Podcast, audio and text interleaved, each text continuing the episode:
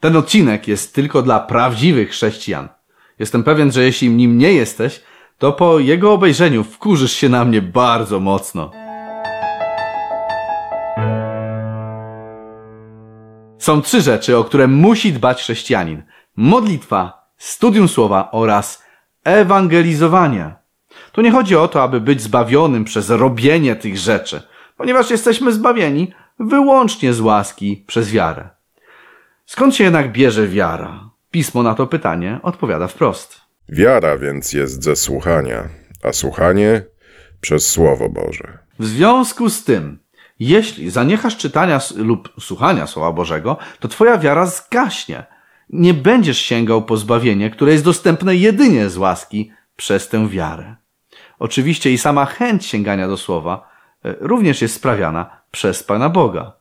Z bojaźnią i drżeniem wykonujcie swoje zbawienie. Bóg bowiem sprawia was i chęć, i wykonanie według Jego upodobania. To Bóg sprawia we wszystkim ich chcenie i wykonanie, dlatego z drżeniem sprawuj to, co w darze dostałeś, abyś tej chęci studiowania pisma nie stracił. Studium słowa to jedynie jeden z trzech obowiązków chrześcijanina. Zbawienie jest oparte na relacji. O to chodzi w chrześcijaństwie, aby być w ścisłej relacji z Bogiem. Czyli dlatego pismo mówi, nieustannie się módlcie na przykład. A modlitwa jest przecież rozmową z Bogiem, jak z przyjacielem. Gdybyś tego nie robił, to jak ta relacja miałaby w ogóle wyglądać? Podobnie ma się sprawa ewangelizacji. Całe niebo jest zainteresowane zbawieniem ludzi. Bóg nieustannie pracuje, aby osiągnąć ten cel. Skoro więc masz z nim relację, to on chce, abyś z nim współpracował.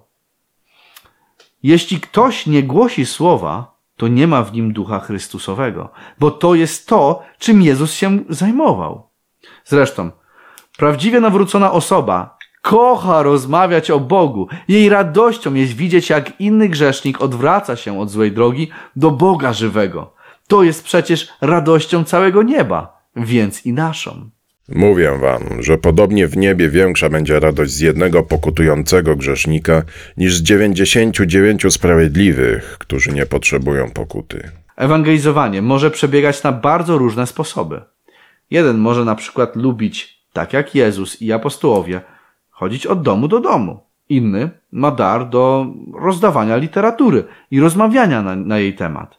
Jeszcze inny ma dar przemawiania do tysięcy. Innemu Duch Święty daje dar gościnności. Jeszcze innemu dar wiedzy, czy może uzdrawiania. I w ten sposób tacy docierają do ginącej planety. Kto inny ma dary bardzo techniczne lub takie marketingowe i w ten sposób wykorzystuje je i przyczynia się do głoszenia Królestwa Bożego. Jeszcze inny może, nie wiem, nie wiem, krzesła lub stoły może przywieźć e, i rozstawić gdzieś na jakimś punkcie dla innych braci i sióstr, gdy będą oni razem coś głosić. Każdy może coś zrobić w tej służbie. Nie ma czego, i te osoby, która nie mogłaby czegoś wnieść. Nawet jeżeli nie miałbyś rąk, nóg, nie mógłbyś mówić, to samym wyrazem twarzy y, możesz głosić Ewangelię. I to już będzie coś pięknego. Ojcze nasz, któryś jest w niebie, święcie imię Twoje. Przyjdź królestwo Twoje. Jeśli tak się modlisz, a nie robisz nic, aby to królestwo rzeczywiście przyszło, to jesteś obłudnikiem i hipokrytą. I na pewno nie jesteś chrześcijaninem. Pewnie już nacisnąłem wielu na odcisk tym, co mówię. Ale mówię to, bo chcę was ostrzec. W niebie nie będzie nikogo, kto nigdy nie przyczynił się do nawrócenia innej osoby. Nie będzie tam nikogo takiego. Idźcie więc i nauczajcie wszystkie narody, chrzcząc je w imię Ojca i Syna i Ducha Świętego, ucząc je przestrzegać wszystkiego, co wam przykazałem. A oto ja jestem z wami przez wszystkie dni, aż do końca świata. Amen. Jeśli jeszcze nie wyłączyłeś, to zostaw proszę łapkę w górę oraz subskrypcję. Działamy również na Library, Beatshoot, Telegramie i Facebooku. Cześć!